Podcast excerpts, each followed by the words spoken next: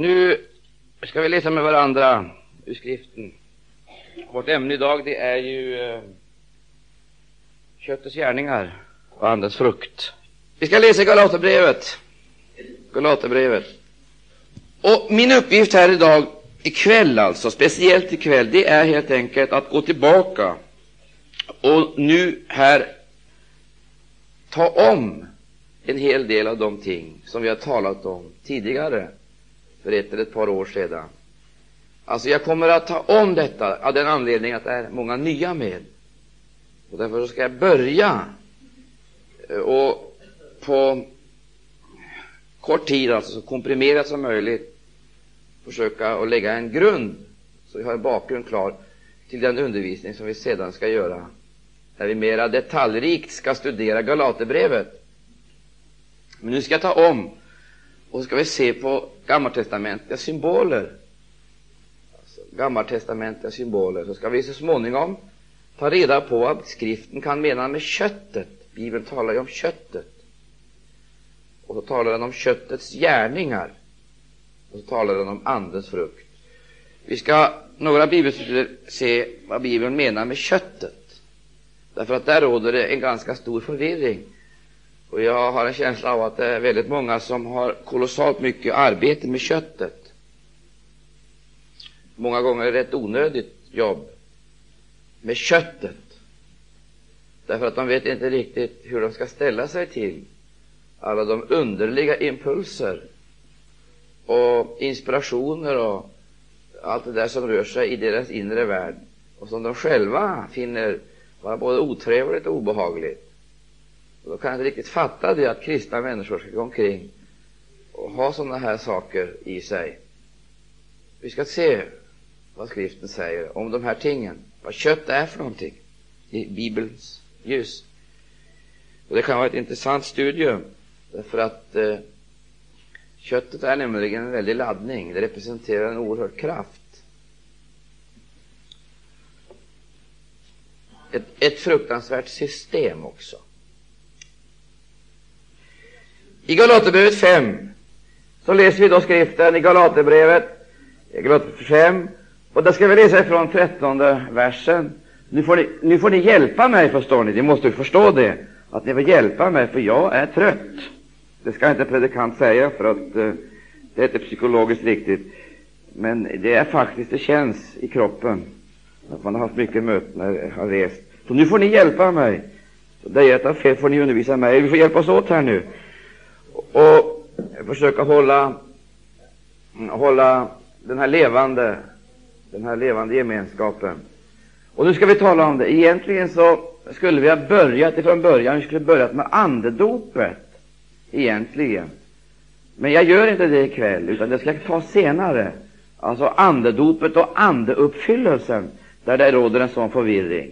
Där det finns många underliga meningar. Egentligen borde jag ha tagit upp det här ikväll, men jag hinner inte med det utan nu ska jag ta upp den principiella sidan utav detta gudsliv och var gränserna går, så att säga, mellan det som skulle kunna kallas för, eh, för eh, olika tillstånd, olika tillstånd som vi kan leva i. Ja, just det, olika tillstånd som vi kan leva i. Det gäller att kunna orientera sig. I Galaterbrevet 5 Ska vi, läsa? vi läser den trettonde versen, och nu läser ni där några verser. Varsågod syskon, så börjar vi med samma. Er är ju kallade till frihet, mina bröder. Bruken dock icke friheten så att köttet får något tillfälle. Fast mer må ni tjäna varandra genom kärleken. Ty hela lagens uppfyllelse ligger i ett enda budord, nämligen detta, du skall älska din nästa såsom dig själv. Men om i bitens inbördes och äten på varandra, så må ni se till att de icke bliven uppätna av varandra. Vad jag vill säga är detta, vandren i ande, så skulle ni förvisso icke göra vad köttet har begärelse till. Ty köttet har begärelse mot anden och anden mot köttet. De två ligger ju i strid med varandra för att hindra eder att göra vad de viljen. Men om ni drivens av ande, så står ni icke under lagen. Men köttets gärningar är uppenbara. Det är otukt, orenhet, lösaktighet, avgudadyrkan, trolldom, ovänskap, kiv, avund, vrede, genstridighet, tvedräkt, partisöndring, missundsamhet, mord, dryckenskap, vilt leverne och annat sådant varom jag säger eder i förväg så som jag redan förut har sagt att det som göra sådant det skola icke få Guds rike till arvedel. Andens frukt åter är kärlek, glädje, frid, tålamod, mildhet, godhet, trofasthet, saktmod, återhållsamhet. Mot sådant är icke lagen.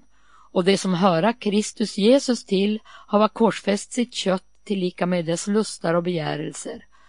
Om vi nu hava liv genom ande, så låt oss och vandra i ande. Låt oss icke söka fåfänglig ära i det att vi utmanar varandra och avundas varandra. I Romarbrevet 8, där ska vi med varandra läsa 12, 13, 14. 12, 13 och 14. Alltså, mina bröder, hava vi icke någon förpliktelse mot köttet så att vi skulle leva efter köttet.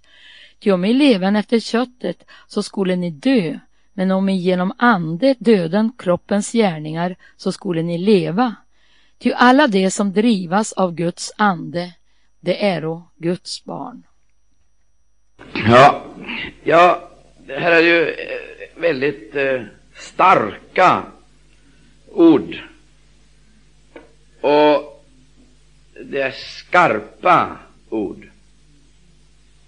Jag tror att vi ska omedelbart börja här med den här vanliga tillbakablicken, som kanske gör det lättare för oss att senare förstå här, den här undervisningen. Därför att eh, vi har hela tiden gammaltestamentliga förebilder som eh, visar oss, alltså, visar oss det här eh, Guds frälsningsmetod. Vi har för det första så har vi det i Israels liv. Israel. Och då kanske det speciellt då, då kanske det speciellt gäller just församlingens frälsning. Församlingen. Men så har vi det också hos enskilda individer. Vi har hos trons fader Abraham, där det naturligtvis också gäller församlingen, men kanske speciellt, speciellt gäller den enskilde individen. Eh, om vi nu börjar med Israel, så vet vi, som vi har sagt många gånger, att vi kan tala om Israel i Israel i Egypten. Sant? Vi kan tala om Israel i öknen. Vi kan tala om Israel i landet. Och vi kan tala om Israel i, i Babylon, eller i främlingslandet. Alltså Israel i fångenskap i Babylon. Ja, vi kanske ska utveckla det här vidare och avsluta det. Så kan vi tala om Abraham lite senare. Egyptien. Det står här som en bild på, på världen. Betecknar, så att säga, det är en motsvarighet. Israel skulle ut ur världen, ut ur Egypten, och församlingen ska ut ur världen. Israel i öknen, Öknen är bilden på köttet. Och Israel i landet, vad är det? Va? I anden. Församlingen i anden, vandra i anden, eller att vara i Kristus. Att vara i Kristus. Och så har vi då Israel i Babylon, eller Israel i Babel ska det väl stå egentligen. Den babyloniska fångenskapen, vad är det för någonting? Ja, det är riktigt, det är avfall. Vi, vi skriver avfall här, även om naturligtvis, bara för att få tydliggöra det hela, det är frågan om avfall. Alltså, det är frågan om avfall. Nu ser vi här att Egypten, det är en plats. Sant? Öknen är en plats. Landet, det är en plats och Babylon, det är frågan om territorier, områden, alltså som de intog, eller dit de fördes. Men nu är frågan om, är världen i den här meningen, är det en plats? Är köttet en plats? Anden en plats? Avfall plats? Nej, här måste man tänka sig, här är det inte frågan om geografiska orter, utan här är det frågan om tillstånd. Ett tillstånd. Vi kan inte säga det att världen finns inom ett speciellt område på jorden. Var finns världen någonstans? Men vad är världen då? Vi, kan, vi får ju veta att allt vad världen har, och allt vad världen representerar, det får vi veta. Vi kan läsa allt vad världen har, det får vi veta, det får gå. Det vet vi. Det finns alltså ingenting som är bestående. Så allt som finns i världen, det förstörs, det bryts ner. Och i första Johannes brev så får vi veta några saker som finns i världen. Första Johannes brev i det andra kapitlet. Och vi läser ifrån den femtonde versen, så kan vi där läsa 15, 16 och 17. Varsågod. Älsken icke världen, ej heller vad som är i världen. Om någon älskar världen, så är Faderns kärlek icke i honom. Ty allt som är i världen, köttets begärelse och ögonens begärelse och högfärd över detta livets goda, det är icke av Fadern utan av världen. Och världen förgår och dess begärelse, men den som gör Guds vilja, han förbliver evinnerligen. Jaha, här står världen som en motsats till vad då? I Jakobs brev. I Jakobs brev. Det står det talas om vän, vänskap. I det fjärde kapitlet så talas om vänskap och, och om fiendskap. I Jakobs brevs fjärde kapitel, läs där den fjärde versen. I trolösa avfällingar vete ni då icke att världens vänskap är Guds ovänskap? Den som vill vara världens vän, han bliver alltså Guds ovän. Ja, vad står världen? Det står i motsatsförhållande till världen kontra Gud. Vi går tillbaka till första Johannes brev igen, det andra kapitlet. Så får vi veta där någon, någonting om världen. Vi ska, inte, vi ska inte fördjupa oss i det, för vi ska återkomma till det här. Men om vi har med det här så blir det lättare för att förstå det jag ska säga just ikväll. Det är, det är tre saker vi har att, vi, vi, vi har, det är tre saker vi har att ta hänsyn till med tanke på världen. Alltså vad som finns i världen. För det första så är det, det köttets begärelser. Vi har tidigare läst om köttets gärningar. Här talas det om köttets begärelser.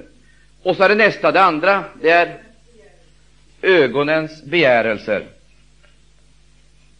Och för det tredje,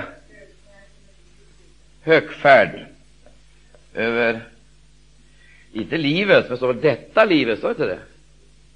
Det är väldigt viktigt att det kommer detta livet goda. Måste få med demonstrativa pronomenet där. Detta livets goda. Om vi skulle försöka översätta det här till andra ord, vad skulle det då bli? Vad är köttets begärelse? Va? Ja, det är lusta. Vad är ögonens begärelse? Ha-begär. Vad är högfärd över detta livets goda? Högfärd. Kan jag tala om vad högfärd är? Vad är högfärd? Ja, vi kan hålla oss inbilla sig att man är något, inbilla sig att man är något. Att man är något, vad är det för någonting då? Vad handlar det om? Ja, maktbegär. Ja, nu, jag tror faktiskt jag ska fortsätta lite med det här också. Att högfärd över detta livets goda, vad är det handlar om för någonting tror ni? Högfärd över detta livets goda. Ja, men högfärd över detta livets goda, det, måste, det, det är väl frågan om att jag måste väl markera distans till andra människor. Va? Jag markerar distans till andra människor. Jag menar mig vara eller ha eller, eller, eller åstundar att få saker och ting som, ska, som jag kan kunna lysa med. Exponera mig själv eller tillvälla mig positioner. Varför vill jag det? Därför att jag är maktgalen naturligtvis. Det handlar om, det handlar om makt, maktbegäret. Och då har vi redan kommit fram till de tre grunddrifterna. Observera, de tre grunddrifterna i den fallna människan, de finns här alltså. Vi, vi ska ta det ett annat, på ett annat sätt. Det är maktbegäret. Det här kan uttryckas lite annorlunda, lite mera, lite mera konkret kanske och direkt. Här blir lite för allmänt. Köttets begärelse, det är lusta. Vi kan skriva erotik, exempelvis. Köttets begär. Vi kan ögonens begärelse, habegär. Vi kan skriva alltså, penning. Och sen har vi då det här med makten. Det här är egentligen ett väldigt stort område. Vi kan, vi kan, och vi kan se det här hos olika personer i skriften. Vi kan finna de här sakerna hos olika personer i skriften. Erotiken hos David. Vi kan finna penningen hos Biliam. Och vi kan hitta maktbegäret eller maktmissbruket hos Saul. Och så kan vi bara vi kan studera Davids liv och se hans utveckling. Vi kan studera Biliams liv, profetens liv, och se hans utveckling. Vi kan studera Sauls liv och se hans utveckling. Och vi kan ur dessa studier lära oss väldigt mycket om oss själva. Därför att de här drifterna finns i vårt eget väsen och de slår igenom i olika sammanhang. Och ingen kommer gå fri. Ingen går fri, det vill säga det besmittar eller förorenar oss. Och ibland så är det inte nog med att besmitta eller förorenar, ibland får det herra, herraväldet över oss, så det styr oss. Det styr oss till saker och ting som är fullständigt orimliga och oriktiga. Och då blir alltså köttets begärelse köttets gärning. Köttets begärelse manifesterar sig i köttets, i, i köttets gärningar. Och därför så heter det att om vi vandrar i ande så skall vi icke. Det måste alltså komma in en starkare kraft i oss som kan övervinna detta. Och hur det går till ska vi också sedan se. Men vi ska göra klart för oss att eh, de här sakerna, de finns närvarande och de, de verkar onykterhet. De berusar eller bedövar. Så att eh, förnuftet, så att säga, det blir väl inte alla gånger bortkopplat, men det blir reducerat till ett minimum. Man handlar oförnuftigt. Man handlar på inspiration. Man handlar vanvettigt. Och eftersom vi har tagit upp de här tre, tre namnen här, så tror jag faktiskt att vi ska, för att få en liten, litet grepp om hur det här kan fungera, så att vi inte bara ser det här i största allmänhet, utan vi försöker se det hos människorna, hos de enskilda individerna, så ska vi läsa några bibelord där vi ser det här klart och tydligt. Och hur, lägg märke till hur detta på samma gång öppnar så att säga vägarna in i vårt väsen för en ande här som via vårt kött kommer att eh, gripa tag i oss. Genom vårt kött alltså. Vi ska läsa eh, vi, vi, tar, vi ska läsa först om David. Vi kan gå till psalm 51. Där kan vi läsa från första versen till och med eh, 13. Varsågod. Gud, var mig nådig efter din godhet. Utplåna mina överträdelser efter din stora barmhärtighet. Två mig väl från min missgärning och rena mig från min synd. Ty jag känner mina överträdelser och min synd är alltid inför mig.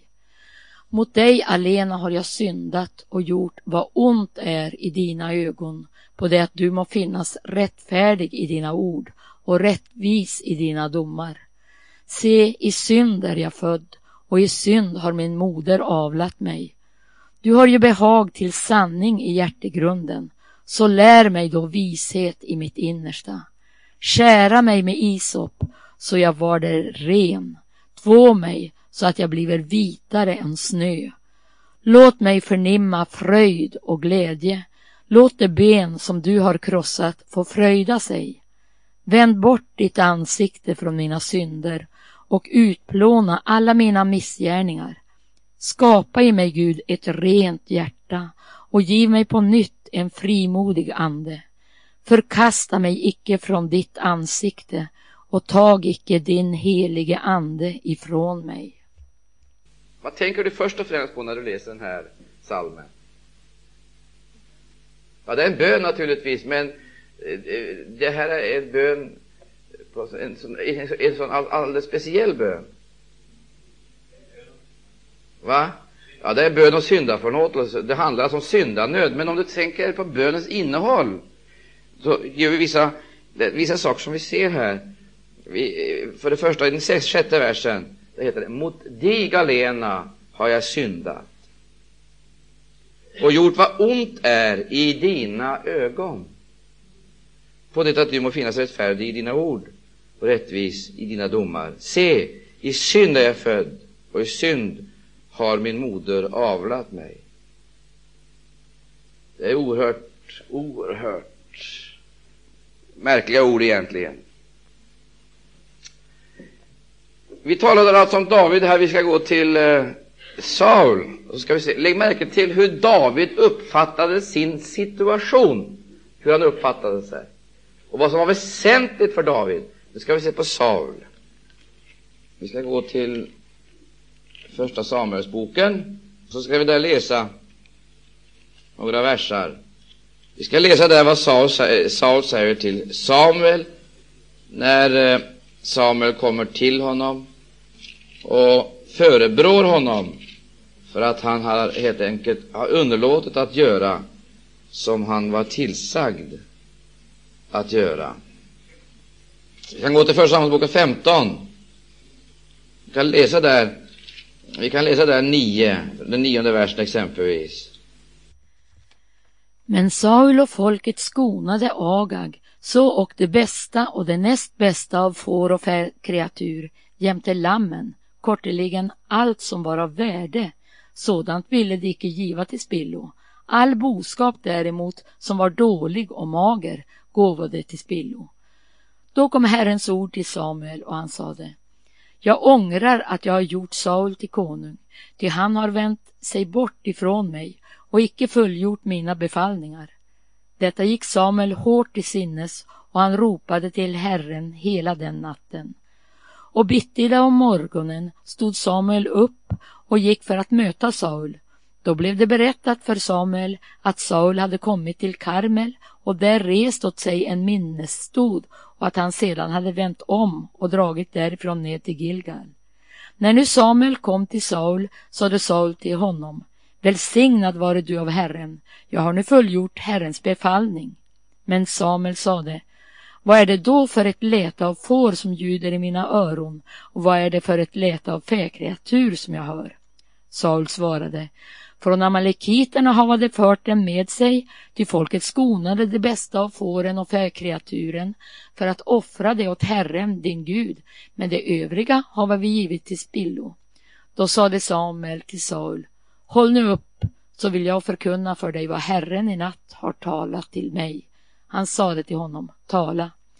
Samuel sade, se, fastän du var ringa i dina egna ögon har du blivit ett huvud för Israels stammar ty Herren smorde dig till konung över Israel. Och så ska vi se då vad som var orsaken till att han ramlade, att han stöp. Alltså vad som var orsaken till detta, att han stöp. Vi kan läsa eh, i den 24 versen i samma kapitel. Saul sa till Samuel, jag har syndat därmed att jag har överträtt Herrens befallning och handlat emot dina ord, ty jag fruktade för folket och lyssnade till deras ord. Men förlåt mig nu min synd och vänd tillbaka med mig så att jag får tillbedja Herren.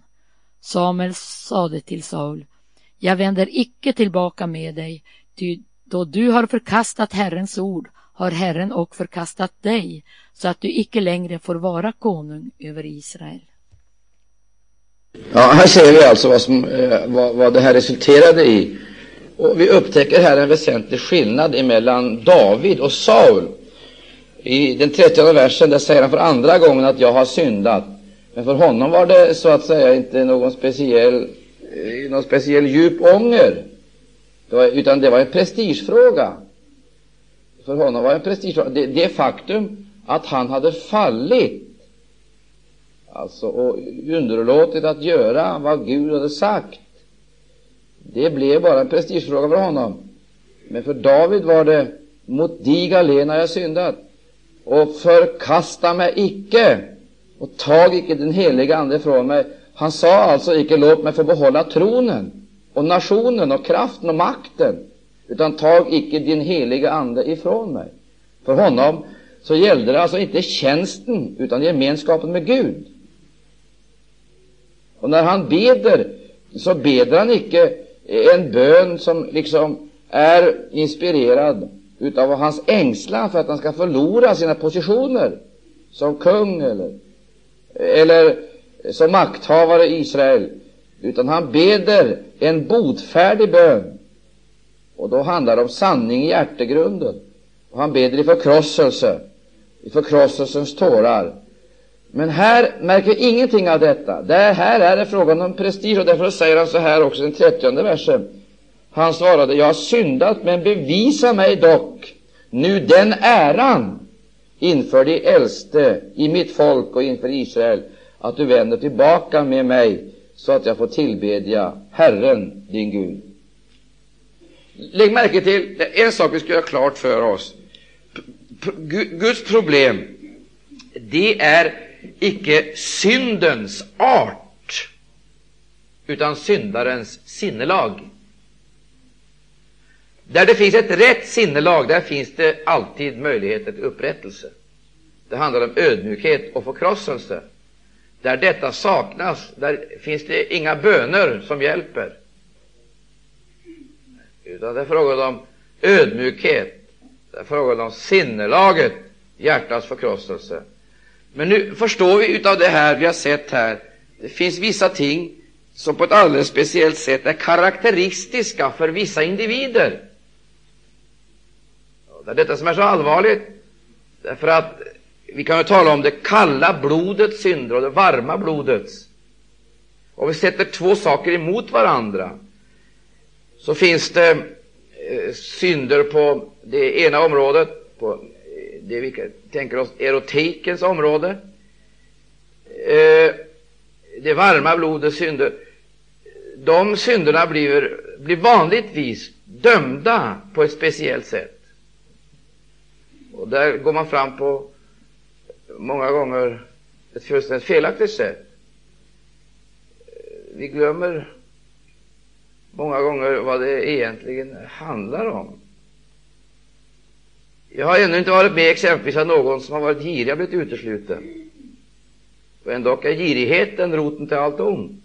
Där har vi det kalla blodets synder. Och som regel så är det så här att vi liksom eh, har eh, olika, det är olika krafter som påverkar oss. Det har inte så lite med temperament och miljö och eh, naturligtvis med arv att göra. Vi ska göra klart för oss att det är oerhört viktigt att vi, att vi förstår att alltsammans det hör inom samma område. Det gäller köttets begärelse och det är köttets krafter. Och det leder alltid till samma resultat. Det leder till döden. Och det gäller för syndaren. Det gäller för syndaren att han har ett rätt sinnelag. Botfärdigt sinne, då kan Herren upprätta. Vi ska se en sak till i det här sammanhanget. Som, eh, vi går till Nya Testamentet och läser om, om Biliam. Och där kan vi läsa i eh, Judabrev, elfte versen. Ve dem, de har trätt in på Kains väg. De hava för löns skull störtat sig i Balams villfarelse och hava gått förlorade till följd av en gensträvighet lik Koras. Jaha, de, de hade störtat sig in på ja, i, i Balams villfarelse Och ser vi andra Peter brevs 2, andra Peter brevs, andra Peter brevs, andra kapitel och femtonde vers. Ska vi se där. De har övergivit den raka vägen och kommit vilse genom att e- efterfölja Balam, Beors son, på hans väg. Denne åtrådde ju att vinna lön genom orättfärdighet. Men han blev tillrättavisad för sin överträdelse. En stum arbetsåsnena begynte tala med människoröst och hindrade profeten i hans galenskap. Alltså, denne åtrådde ju att vinna lön genom orättfärdighet. Och här har vi det här med penningbegäret. Han åtrådde att vinna lön genom orättfärdighet.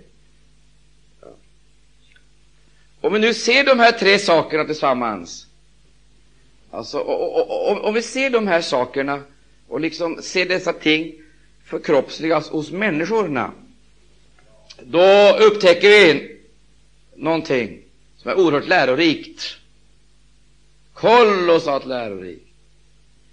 Därför att det är klart, hade det här handlat om en helt vanlig israelit så hade det icke haft samma styrka när vi, och samma intresse när vi läste om det. Men Bibeln är obarmhärtig när den avslöjar för oss de här tingen. Och här märker vi detta hos profeten. Profeten och penningbegäret. Konungen och maktbegäret. Konungen och erotiken. Med andra ord, det ligger till på det här sättet att hos de bästa bland människor så finns de här lasterna. De finns där. Och ingen kan fly ut ur sitt kött. De finns där. Och ändå också säger skriften att vi ska inte ledas utav det, styras utav det eller på nytestamentlig mark där heter det så här att om vi vandrar i ande, då skall vi icke göra vad köttet har begärelse till.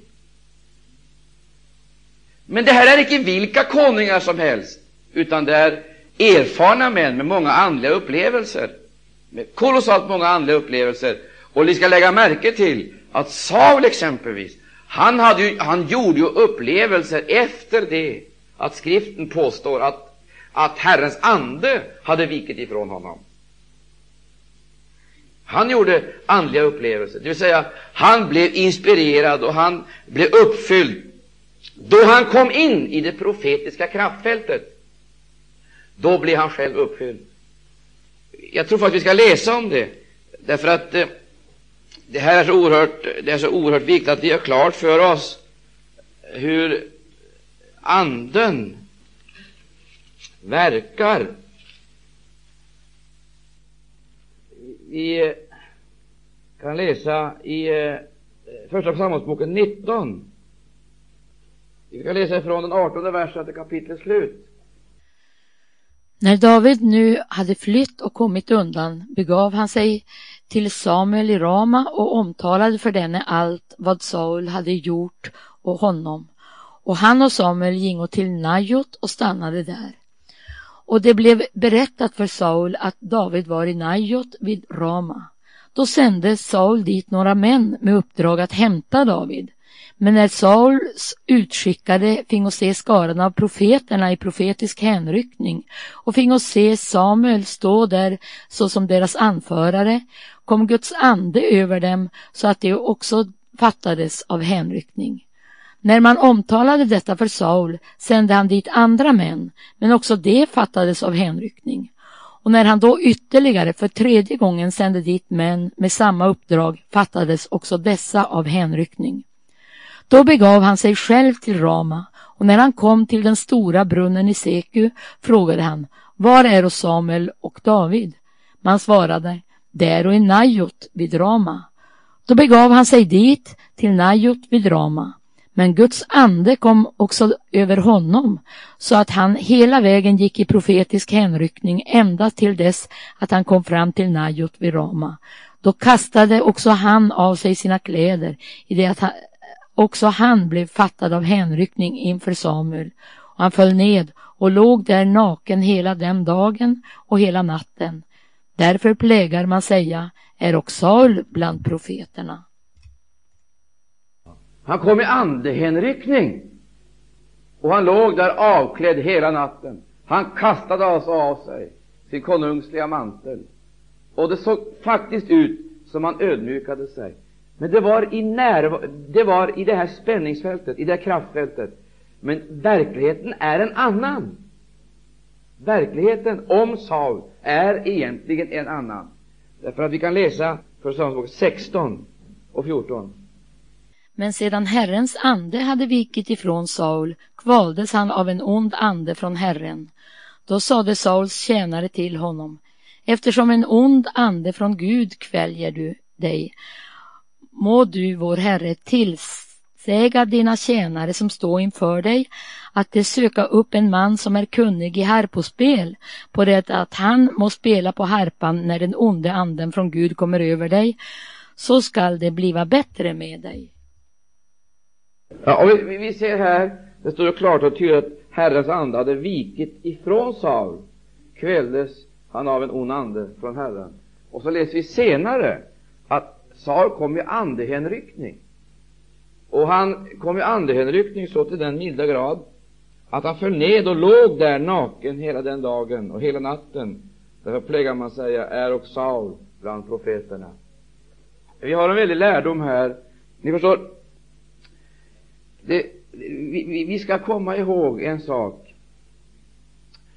Vi ska komma ihåg en sak. Vi ska verkligen komma ihåg en sak. Att det är inte frågan om hur är, det är inte frågan om vilka inspirationer som tillfälligt påverkar oss. Som tillfälligt påverkar oss. När vi kommer in i ett sånt här kraftfält, i ett väckelsemöte, så grips vi av den anden och vi känner oss nästan ett med det, blir fylld av det.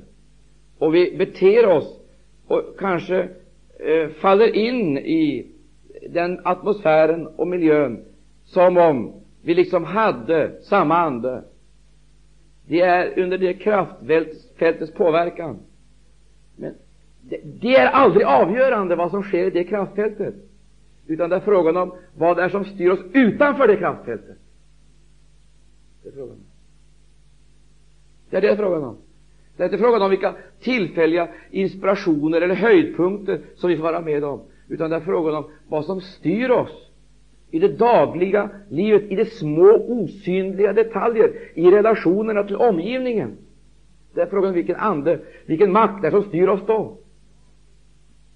För att vi kan, vi kan vara, vi, vi kan vara på väg mot avgrunden och en och annan gång göra andliga upplevelser.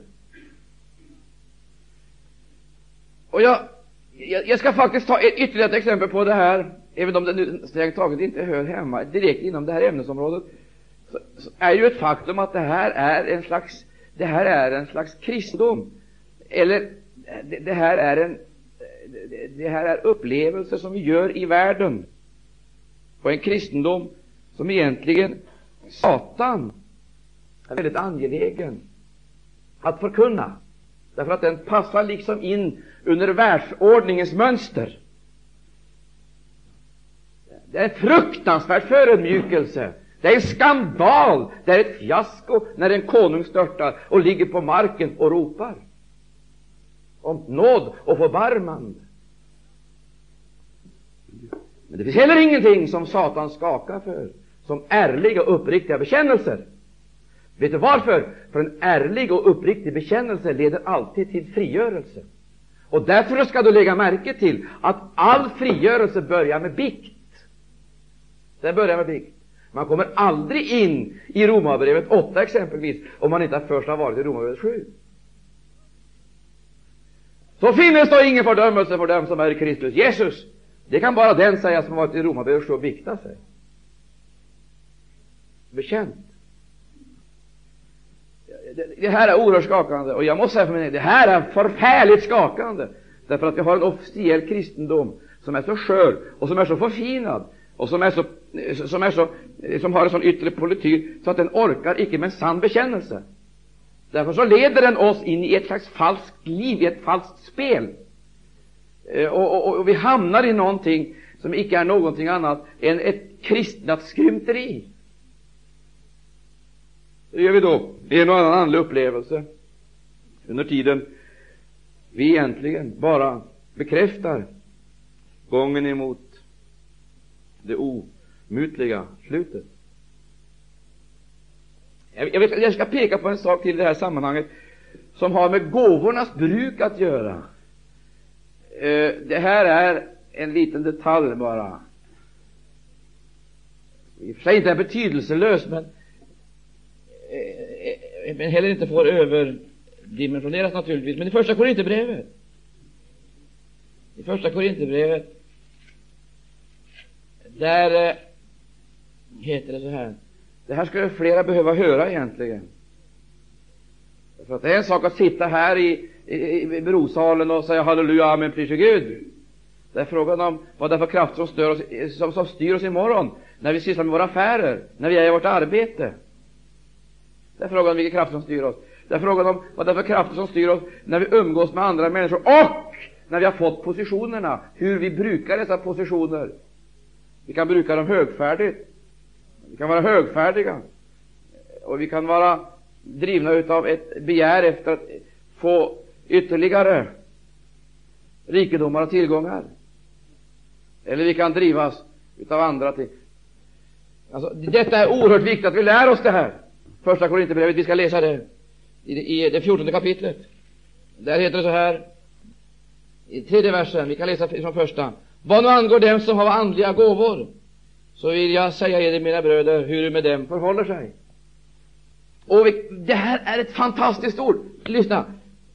I veten att i, medan i voren hedningar, leten eder blindvis föras bort till de stumma avgudarna.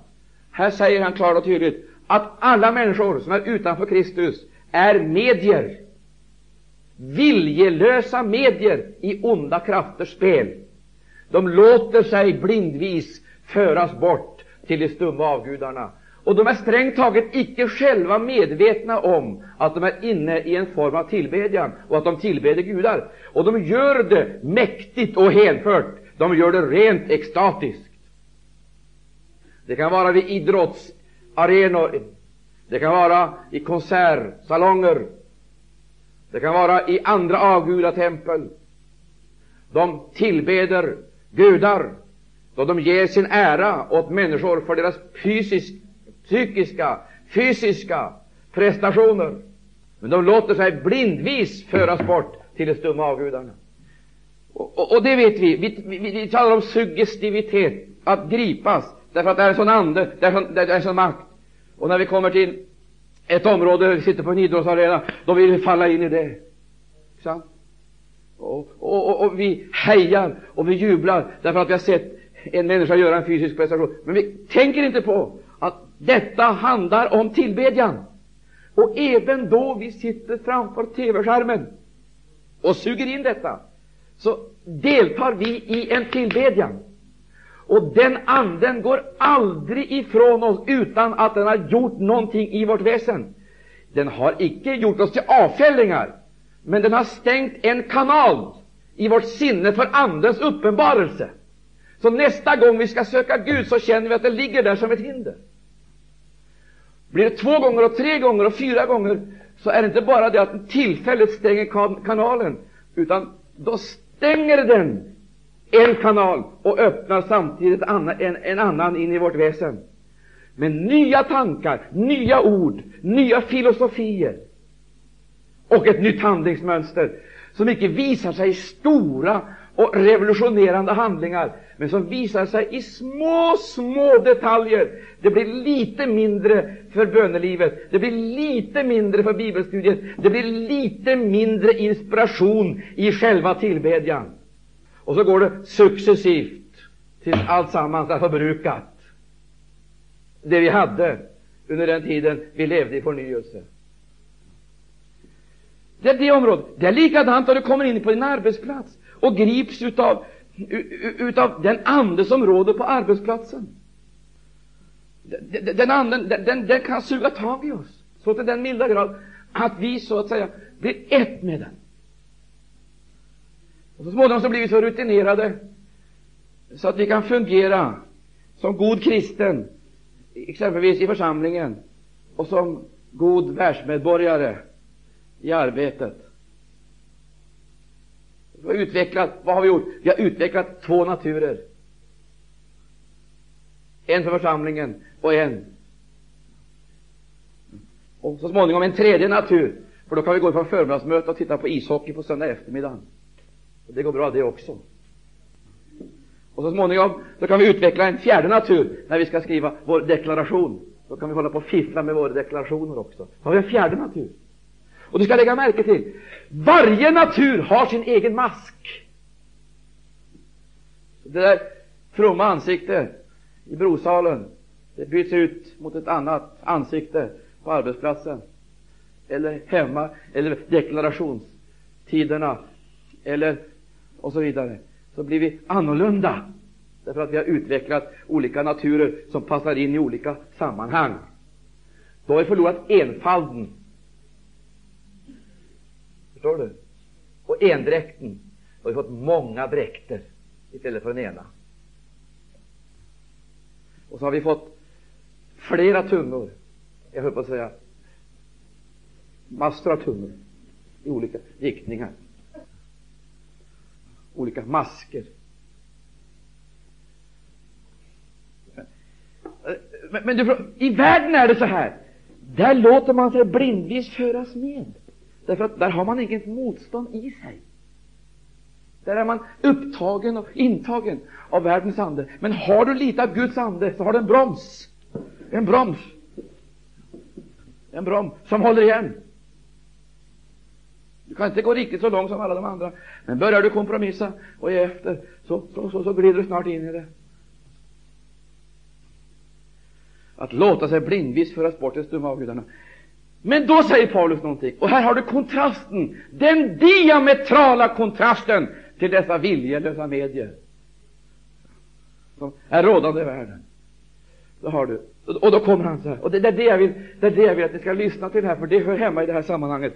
Han säger nämligen så här, därför vill jag nu förklara för eder att lika som ingen som talar i Guds ande säger förbannad vare Jesus så kan ej heller någon säga Jesus är Herre annat än i den heliga Ande. Är det någon av er som kan förklara vad menar Paulus här? Eh, alltså, därför vill jag förklara för er att lika som ingen som talar i Guds ande säger förbannad vare Jesus. Det förstår vi. Är du i anden så börjar du inte att förbanna Jesus.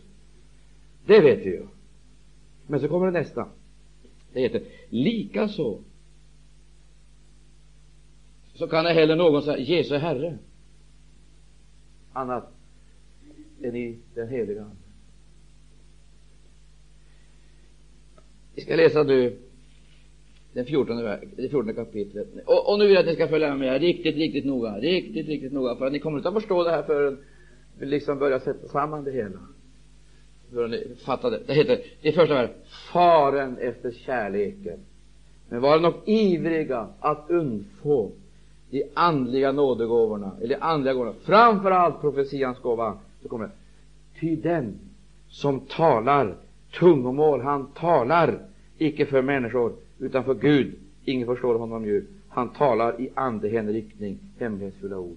Och nu vill jag fråga er, hur ofta är vi andehänryckta? Den som talar tungomål, han talar i andehänryckning, hemlighetsfulla ord. Hur ofta är vi hänryckta, andehänryckta? Är det någon som här kan säga, jag är andehänryckt varje minut på dagen? Jag är så hänryckt så att jag gör ingenting annat än talar i tungor. Så fort jag slår upp ögonen på morgonen så är jag i hänryckning. Ja, jag skulle tro det. I hänryckning. Och sen så är jag i hänryckning hela dagen. Jag börjar med tungomålstalande, jag fortsätter med tungomålstalande och jag avslutar dagen med tungomålstalande. Jag är buren utav en hänryckning. Jag är henryckt. hänryckt. Kan någon säga det? Men nu vill jag fråga, i de stunder då du är henryckt, är det då något problem att säga halleluja? Är det det? Är det det? Det är inget problem, va? I de stunder då du är henrykt, är det då svårt att tala i tungor? Är det det? Alltså, det vill säga, det finns ett henryckningens tillstånd som kan betraktas som naturligt inom vissa gränser. Men då du är i hänryckning, då talar du i anden. ord. Men här heter det, likaså kan ingen säga annat än i den heliga Ande. Jesus är Herre. Det glöm märke till. Man kan vara i anden utan att vara hänryckt. När man är hänryckt, då talar man i tungor. Men det finns många, många gånger då man icke är hänryckt, men när man är under trons lydnad. Och därför är man i anden, och då säger man Jesus är Herre. Idag känns det inte så underbart, men Jesus är Herre. Halleluja. Jag är inte speciellt hänryckt idag, men Jesus är Herre. Jag känner mig lite krasslig idag, men Jesus är Herre. Annars så brukar vi säga Åh, vad underbart det var, åh, vad, vad fantastiskt det var, vad, vad härligt det var när Anden kommer. Och sen nästa morgon, då känner vi att det kommer en motgång, en prövning, en svårighet. Åh. Där är någon som, där är någon som, som rör på oss, som, som tar på oss, eller trampar på vår liktorn, eller ger oss ett nålstick, eller en förmaning, en tillrättavisning. Och, och där alltsammans det härliga, där, det, det finns ingenting kvar utav det utan annat än bara tråkiga och gråa människor. Så kommer man till möte igen och så pssst, upp i lådan. Så, där är man hänryckt igen. Upp ur lådan, där är man hänryckt igen. Tills nästa dag. Då kommer man nästa dag, då är, det, då, då är det någonting igen. Då har man kanske fått lite för mycket kvarskatt eller har lite dåligt med magsyran eller har lite svårt på hemmaplan med det ena och det andra. Och så Tror du att detta är ett normalt kristet liv? Är det det? Det är världens sätt. Vanligt människosätt. Det är vanligt människosätt. Och det är det Bibeln kallar för kötsliga kristna. Det är vanligt människosätt. De vandrar på vanligt människosätt. Det är människor som vandrar så ut i världen. Men när hänryckningen slipper, så står, det, när hänryckningen är borta, så står det kvar, Jesus är Herre. Jesus är Herre. När Henrik är borta, när vi är alldeles ensamma, ingen som stöttar upp oss med halleluja-sång eller handklappning, när ingen hör vår tillbedjan eller vår lovsång, och vi känner att det är nästan som vi skulle ha fattat oss Jesus är Herre. Henriken är borta, men Jesus är Herre. Därför att i, i andehänryckning, där talar vi hemlighetsfulla ord för Herren. Men vi lever inte i andehänryckning hela dagen. Det finns ett tillstånd utanför andehänryckningen, men det är ett tillstånd i anden. Det är också ett tillstånd i anden, och då förkunnar vi Jesus är Herre. I anden. Men det är inte bara den sidan, det finns en annan sida som jag ska ta med här. Ja. Andra gånger så kom vi till mötena, så blir vi så våldsamt inspirerade, sa jag. Och så dagen efteråt, så är det precis som alltsammans skulle ha flugit ur oss. Det är precis som en ballong som har förlorat luften, och vi rasar ihop, det blir ingenting kvar. Men, då möter vi prövningar och motgångar. Men nästa gång du, då har vi medgång. Då, har vi medgång. då ska du få se. Det är inte bara att man hoppar ut ur lådan, utan då flyger man iväg. Men goda värld, då har man haft framgång i affärerna.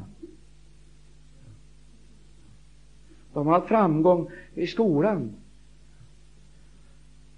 Då, då, då har man eh, haft framgång och, och, och, och helt plötsligt så behöver man varken andehänryckning eller Jesus som Herre.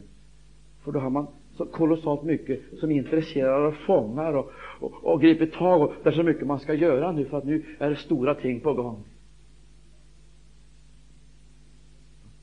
Då, drar det iväg åt det hållet. Och då ska du lägga märke till, nu säger Paulus, det finns stunder då vi icke hinner gardera oss. Icke hinner, det är något slags mellanläge där vi icke hinner gardera oss eller, eller sätta upp den där masken, höll jag på att säga. Utan det är en ande som griper tag i oss. Och det som liksom då kommer fram i det osensurerade ögonblicket, det avslöjar vad som bor i vårt hjärta. Är Jesus Herre i framgången också? Är han det? Han är väl framgång, han är väl Herre när det är framgång också? Det är väl inte du som blir Herre då när det är framgång, eller hur? Hur är det? Hur det är när motgång, det vet vi, det är varken du eller Gud Herre, då finns det en annan som är Herre. Men det är ju bara Satan som liksom har makten. Men hur är det när det är framgång? Vem kröner vi då? Här ska du få ett exempel. Jag ska få ett exempel här på detta. Vi är med om väldiga möten. Vi är med om väldiga möten. Tänk på vad vi bedrövar den heliga Ande. Vi har väldiga möten, väldiga möten. Gud möter oss oerhört. Vi möter Guds ord. Och det är så fantastiskt. Det är så fantastiskt. De blev frälsta, de blev döpta den helige Ande på löpande band, som det heter. Och de mötte Gud med en sån våldsam kraft. De blev helbrägdagjorda. Det ena benet blev lika långt som det andra och alltsammans det där som man har hört så att säga i så många variationer. Det blev en våldsam seger. Då, när mötet är slut, man går hem. Vet du vad man säger då? Lyssna då. Lyssna. När man har kommit ut ur själva kraftfältet liksom, och inte har samma koncentration vilken predikant! Vilka människor det är i den där församlingen. Det är ju fantastiskt. Vilka människor! Du förstår vad rent det måste vara den församlingen. Det är så härligt. Vet du vad han avslöjar? Man har inte den minsta respekt för andras lagar. För Jesus ger aldrig sin ära åt någon annan. Det gör han inte. Och vet du varför? Det beror därpå att när Satan sedan kommer och kräver utav oss vad, säger, vad som ligger bakom bekännelsen, bakom orden. Och vi ska lösa ut växlarna, då har vi inga tillgångar. Och därför är det bättre att ankra all ära hos Jesus Kristus, för han har alla resurserna också att möta morgondagens problem och svårigheter. Så när fienden kommer igen imorgon, så har han ingenting att hämta hos oss, han har allt att hämta hos Jesus. Vi har inte tagit någonting åt oss som vi sedan måste ta upp och försvara. Utan det är Jesus som har utfört verket, det vill säga Jesus är Herre också i framgången. Halleluja, tror du det så säger jag amen. Han är Herre och ingen annan. Men det finns en gudomlig härlighet.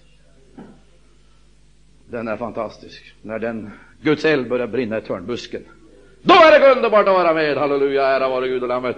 Och vi visar sig att Herren Gud, han talar han bor i törnbusken. Nåd ifrån honom som bodde i törnbusken. Det vill säga, vare sig under framgångens toppar eller under, jag höll på att säga, kampens djupa dalar, på höjder eller djup, så har vi rätt att ge människan nära. Men däremot kan vi uppmuntra varandra till kärlek och goda gärningar. Då blir det inga idoler, förstår du, utav sångarna och musikanterna och tjänarna. Utan då blir de tjänare som Herren kan använda på sitt rika sätt.